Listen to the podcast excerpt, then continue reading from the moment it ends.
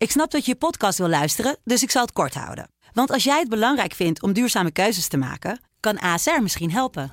Nou hoor ik je denken, hoe dan? Nou, bijvoorbeeld bij het duurzaam herstellen van schade. Of de premies die we beleggen volgens ons duurzaam beleggingsbeleid. Dat bepaalt waar we wel en juist niet in investeren. Wil je meer weten over welke duurzame keuzes ASR maakt? Ga dan naar asr.nl slash duurzame keuzes. ASR doet het. Zo, dan kan je nu lekker naar je podcast luisteren. Coronajaar 2020 lag overhoop. Wordt 2021 het jaar van hoop? en van licht aan het einde van de tunnel. Die vraag staat centraal in deze podcast van De Telegraaf. Dit keer met Talita Muse.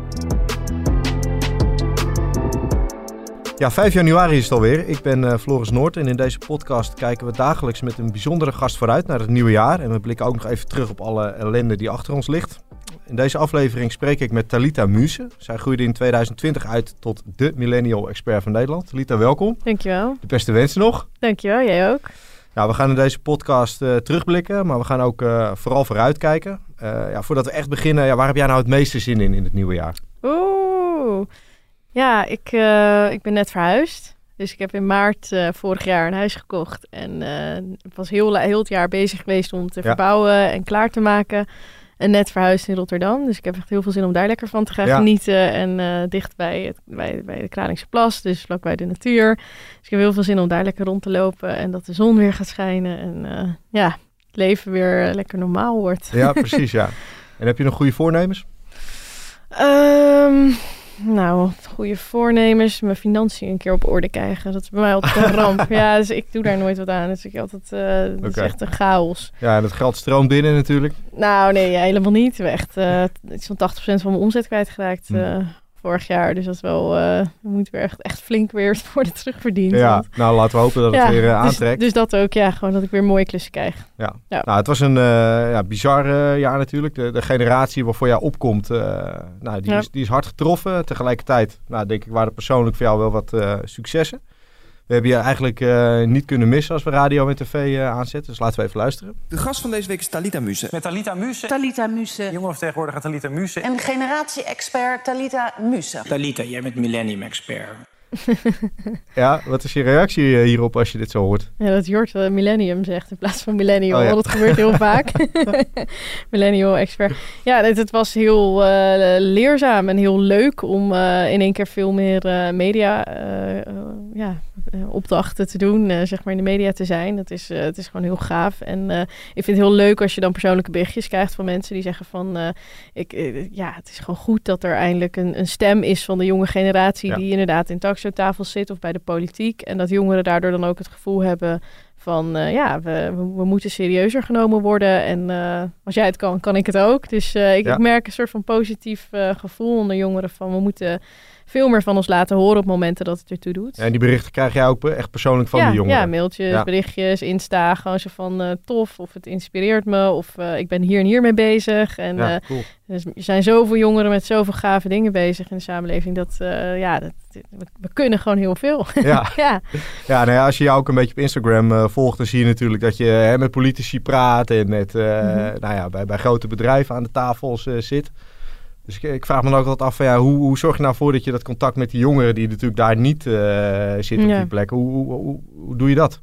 Ja, daar ben ik zelf eh, ook over aan het nadenken hoe je dat doet. Want kijk, eh, je kan niet alle jongeren van Nederland vertegenwoordigen. En dat wil ik ook helemaal niet beweren of, of, of zeggen. En we proberen bijvoorbeeld met Coalitie I hebben we wel een samenwerkingsverband van verschillende jongerenorganisaties die allemaal tienduizenden leden hebben. Dus dat zijn bij elkaar wel 300.000 jongeren die dan eh, vertegenwoordigd worden. Ja. Maar ook dan, weet je wel, jongeren zijn verschillend. Je kan niet als jongeren... Het, ik zou eigenlijk jongeren tekort doen als, als ik de jongerenvertegenwoordiger ben. Want ja, ik heb een bepaald levenspad. Eh, ik ben bijvoorbeeld universitair opgeleid. Nou, dat zijn niet alle jongeren. Ik kom uit Rotterdam, maar niet alle jongeren komen uit de Randstad. Eh, dus het is ook een beetje gevaarlijk als er een soort van één jongere... Er moet niet één jongerenvertegenwoordiger zijn. Er moeten veel meer jongeren zijn... ehm, die met hun eigen expertise en eh, perspectief en achtergrond een plek krijgen in de media en bij de politiek en, en inderdaad bij de, in de bestuurskamers. Het gaat niet om één, dat er één eh, spokesperson eh, is. Nee, precies.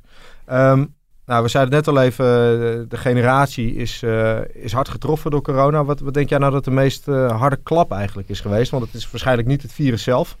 Nee, dat is niet het virus zelf. Want wij kunnen natuurlijk het minste hè, echt, echt heel ernstig ziek ervan worden. Al zijn er wel helaas jongeren die er wel ziek van zijn geworden. En ook helaas langetermijn klachten hebben.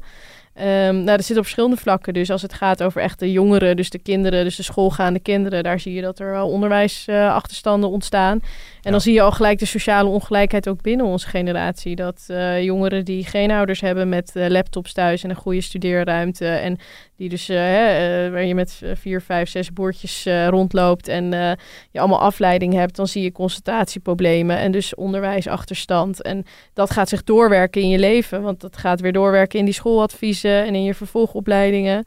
Ehm, maar ook, eh, ja, jongeren hebben heel vaak flexbanen, dus die eh, hebben geen vaste contracten. En juist de sectoren waar de grootste klappen zijn gevallen, toerisme, horeca, eh, entertainment, evenementen, sector, ja, die zijn compleet tot stilstand gekomen. Dus onder jongeren is de werkloosheid het allerhoogste. Het was al binnen volgens mij twee maanden na maart dat 100.000 jongeren in Nederland hun baan hadden verloren. Ik Ja. denk dat we inmiddels op een paar honderdduizend jongeren zitten die hun eh, primaire bron van inkomen zijn kwijtgeraakt. Eh ja, dat, dat, dat, dus de, de, op heel veel vlakken zijn de genoeg klappen eh, groot. aandacht voor is? Nee, dat daar genoeg rekening mee wordt gehouden ook? Nee, daar, daar, daar, daar wordt niet genoeg rekening mee gehouden. Dus de, het ministerie heeft op een gegeven moment wel gezegd... er komt een jeugdwerkloosheidsplan, een nationaal plan. Maar dat was heel, heel sumier. Dat ging eigenlijk vooral over jongeren met al een afstand tot de arbeidsmarkt. Dus niet met goede startkwalificaties. Dat ging helemaal niet over alle mensen die door corona hun baan eh, waren kwijtgeraakt. En de compensatiemaatregelen, daar vielen ook jongeren eh, heel weinig onder. Omdat die dus vaak niet in vaste loondienst zitten. Dus die vallen niet bij die bedrijven onder die hè, steunpakketten. Dus bedrijven gingen hun niet aanhouden met die compensatiemaatregelen. En ook bijvoorbeeld wat echt, wat mij heel erg irriteerde, is dat studenten die een bedrijf hadden, dus studentondernemers, die, werden, die kwamen niet in aanmerking voor eh, de steunpakketten. Omdat dan gewoon door de overheid werd gezegd, ga dan maar meer lenen bij de duo. Ga dan Ja. maar je studielening verhogen. Ja. Terwijl ja, iedereen weet, dat brengt je in schulden en daarmee kan je zo meteen een huis kopen als Ja. je een hoge schuld hebt. Dus het is eigenlijk best wel krankzinnig dat eh, jongeren wel harde klappen vangen. Wij relatief weinig gezondheidsrisico lopen. En als ze dan aankloppen bij de overheid, er letterlijk gewoon wordt gezegd door die generatie: ja, we Ja. hadden het in de jaren tachtig ook moeilijk toen het werkloosheid was. Of ehm, in, de, in de Tweede Wereldoorlog Ja, de hadden we het ook zwaar. Eh, dus eigenlijk niet zo zeuren. Ja, dat, dat vind ik gewoon echt, eh, dat Ja. vind ik niet kunnen. Ja. dat is vooral het, eh, het economische aspect natuurlijk wat je aanhaalt. Maar ook ja, het sociale aspect lijkt me belangrijk. Als ik terugblik op mijn jeugd, de, ja, de meest memorabele momenten, dat waren nou ja, mijn, mijn, het slagen op eh, de middelbare school met de eindexamenstunt. Jaar dat ik ging studeren natuurlijk, met eh, de ontgroening eh, die daarbij hoorde. Dat zijn echt momenten, nou ja, ik kan ze nog bijna van minuut tot minuut kan ik me dat herinneren. Zijn echt mijlpalen geweest in mijn, eh, in mijn leven. En nou ja, dat wordt eigenlijk eh, jongeren nu volledig ook ontnomen Ja. natuurlijk. Klopt. Eh, Maar zou daar ook niet, is daar denk je wel genoeg begrip voor ook, dat dat ook nee, een helemaal niet. situatie Want dat, wordt niet dat worden gezien als extra's. Terwijl dat vind ik best wel een denkfout. Want ik had pas een studie daar ook gezien van een, een Britse sociologe, psychologe. Die had gezegd van ja, eigenlijk identiteits, in je identiteitsvorming. Als je, ja, hoe kom je erachter wie je bent? Ja. en, en, en, en wat je wil zijn. En dat, dat is een, een, een worsteling die je juist in je tienerjaren heel erg meemaakt. En die ook vorm krijgt, juist in interactie met anderen. Het is op feestjes, het is eh, in, een, in een huis, studentenhuis wonen of in een sociale setting eh, met anderen. Dat je tegen allerlei dingen van jezelf aan begint eh, te lopen. En dat je, ja, daar, daar moet je gewoon nog heel veel in ontdekken en meemaken. En op het Ja. moment dat dat eigenlijk zo goed als stil ligt en jongeren maar gewoon ja, bij hun ouders thuis achter de laptop zitten en verder kan je geen kant op. Ja, dan denk ik dat het in, in, je, in je ontwikkeling eh, eh, remmend kan zijn. Tegelijkertijd is het natuurlijk wel, we moeten het wel nuanceren. Dit overkomt de hele samenleving. Het is niet dat we met opzet zeggen van nou, eh, hè, het, het is overmacht. En ook Ja. dat is een goede ervaring, denk ik, voor jongeren om te ervaren van nou ja, het, er kunnen zulke grote dingen gebeuren in de wereld dat ja, we ons allemaal moeten aanpassen. Dus tuurlijk, dat is, dat is er ook. Maar de vraag die dan bij mij wel naar boven kwam vorig jaar is... ehm, is dat dan rechtvaardig als het in dit specifieke geval bij dit virus... Kijk, op het moment dat, we er, dat er buiten mensen eh, eh, dood neervallen... omdat er zo'n be- besmettelijk gevaarlijke ziekte Ja. is... tuurlijk, logisch dat we allemaal binnen blijven en deur op slot en je komt niet meer naar buiten.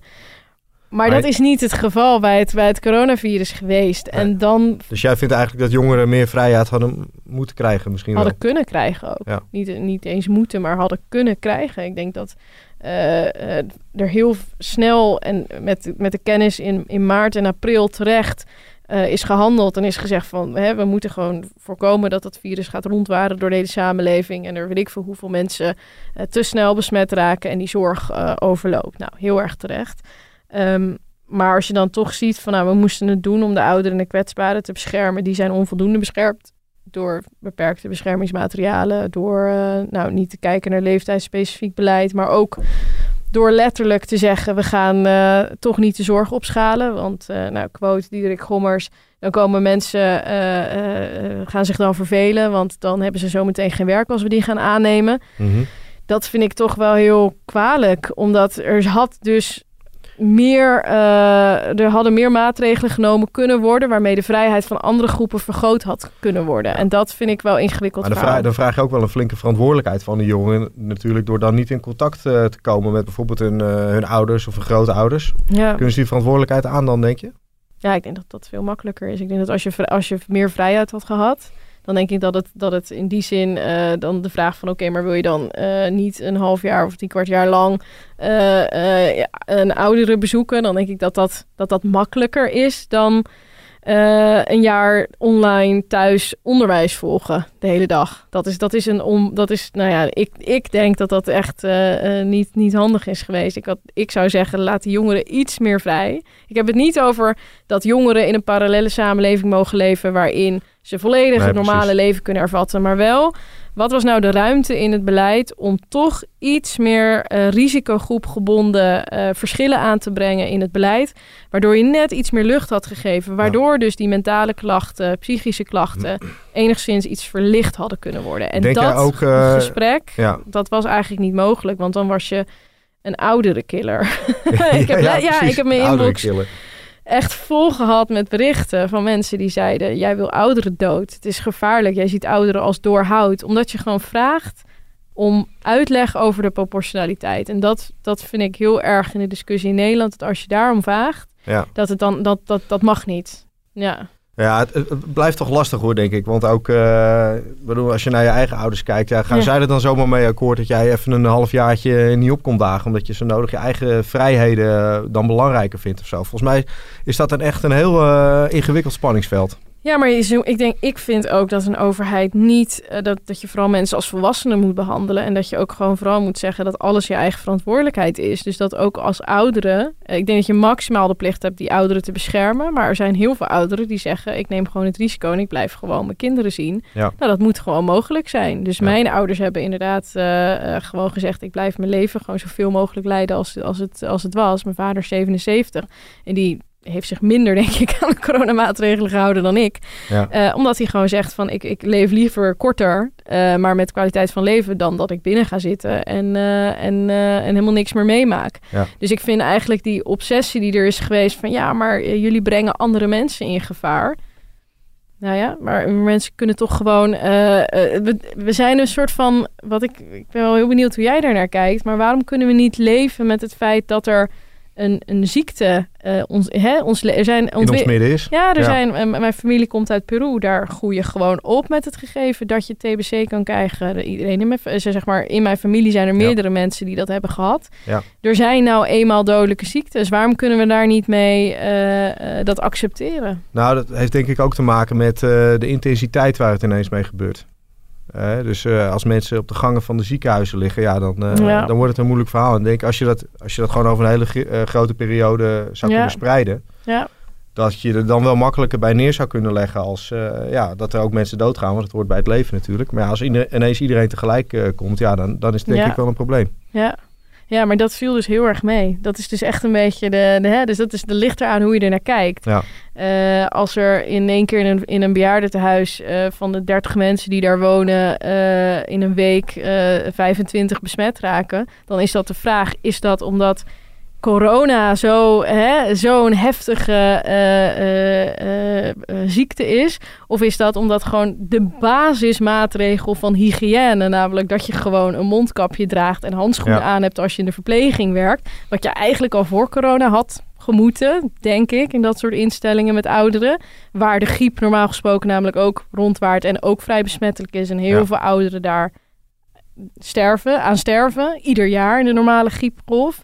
Ehm, en als dan je zo'n basismaatregel niet neemt, nou, ik, ja, ik, durf, ik durf er niet een, een uitspraak in die zin over te doen, maar ik denk dat een heel groot gedeelte van de ouderen die aan corona zijn overle- overleden, en dat is het grootste gedeelte van het totale aantal doden, had gewoon met een hele eenvoudige aanpassing voorkomen kunnen worden. En had niet het hele land op slot gehoeven. Dat, dat denk ik dat we dat wel kunnen zeggen. Oké, nou ja, laten we... Je bent het er niet mee eens, zie ik.